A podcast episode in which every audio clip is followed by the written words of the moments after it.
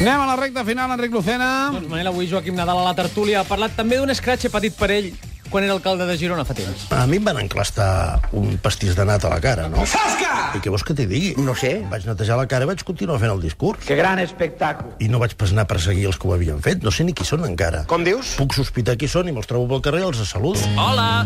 I es miren... No, home, home amb una mica de... Amb intenció. I es miren... Home, amb una mica de... Amb intenció? No, no, no, amb simpatia, perquè al final tampoc, escolta... No, però això que diu el la, la, Quirino... la, la nata no era bona, no? Vull dir que Això no. que diu el nyam, nyam, nyam. I també hem parlat de Corea del Nord aquest matí. De bona part del món que mira avui cap a Corea del Nord, que ha començat ja la commemoració dels 101 anys del naixement del seu fundador, Kim Yu... Kim Yu Sung. Eh? Kim Yu... Kim Yu Sung. Venga, venga. Era pràcticament impossible.